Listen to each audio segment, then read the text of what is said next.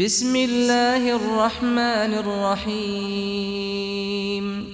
القارعة ما القارعة وما أدراك ما القارعة يوم يكون الناس كالفراش المبثوث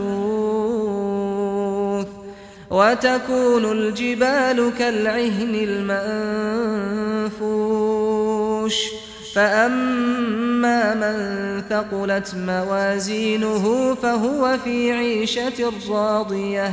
وأما من خفت موازينه فأمه هاوية